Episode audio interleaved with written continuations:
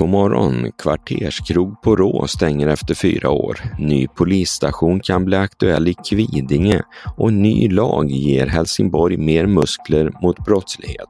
Här är de senaste nyheterna från Helsingborgs Dagblad. Efter fyra år har ägarna Jesper Levander och Rebecca Stan bestämt sig för att stänga sin restaurang Bistro 46 på Rå i det lilla gathuset på Råvägen. Krogen har nu försatts i konkurs. Men när en dörr stängs öppnas en ny, skriver ägarna på Instagram. Vad de menar med det får vi på HD inget svar på. Vi är tacksamma för all positiv feedback vi har fått under åren. Vårt mål har alltid varit att alla ska känna sig välkomna och hemma, säger Jesper Levander. Enligt konkursförvaltaren finns det intressenter till krogen. Polisen i Söderåsens lokalpolisområde är trångbodd. Nu diskuteras därför att bygga en helt ny större polisstation som kan samla alla poliser i Klippan, Åstorp, Bjuv, Svalöv och Perstorp. En möjlig placering skulle kunna bli Kvidinge i Åstorp där räddningstjänsten i Klippan och Åstorp ska bygga en gemensam station. Men inget är bestämt. Så länge utökas polisstationen i Klippan med moduler för att klara den akuta situationen. I Perstorp finns det fler platser i skyddsrum än det finns invånare. En gång i tiden fanns här gott om industrier vars personal behövde kunna söka skydd, förklarar Perstorps kommuns säkerhetschef Susanne Burström.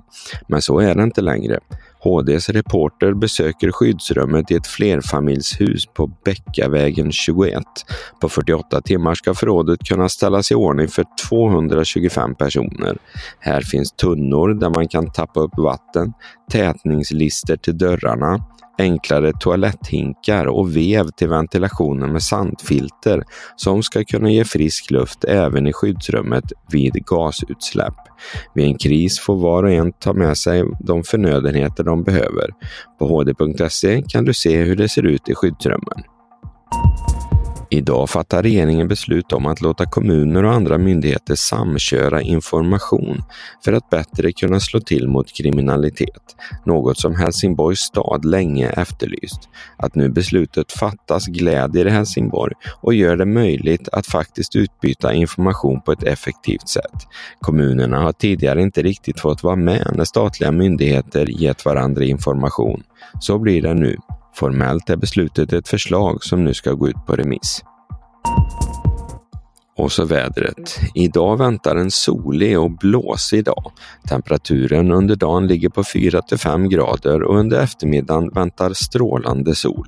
Den västliga vinden ökar från 9 meter per sekund under förmiddagen till 13 meter per sekund under eftermiddagen med upp till 22 meter i sekunden i byarna. Under natten och torsdagen mojnar vinden. Det var allt från Helsingborgs Dagblad den här morgonen. I studion Peter Färm och Yvonne Johansson. Läs mer på hd.se. Vi hörs!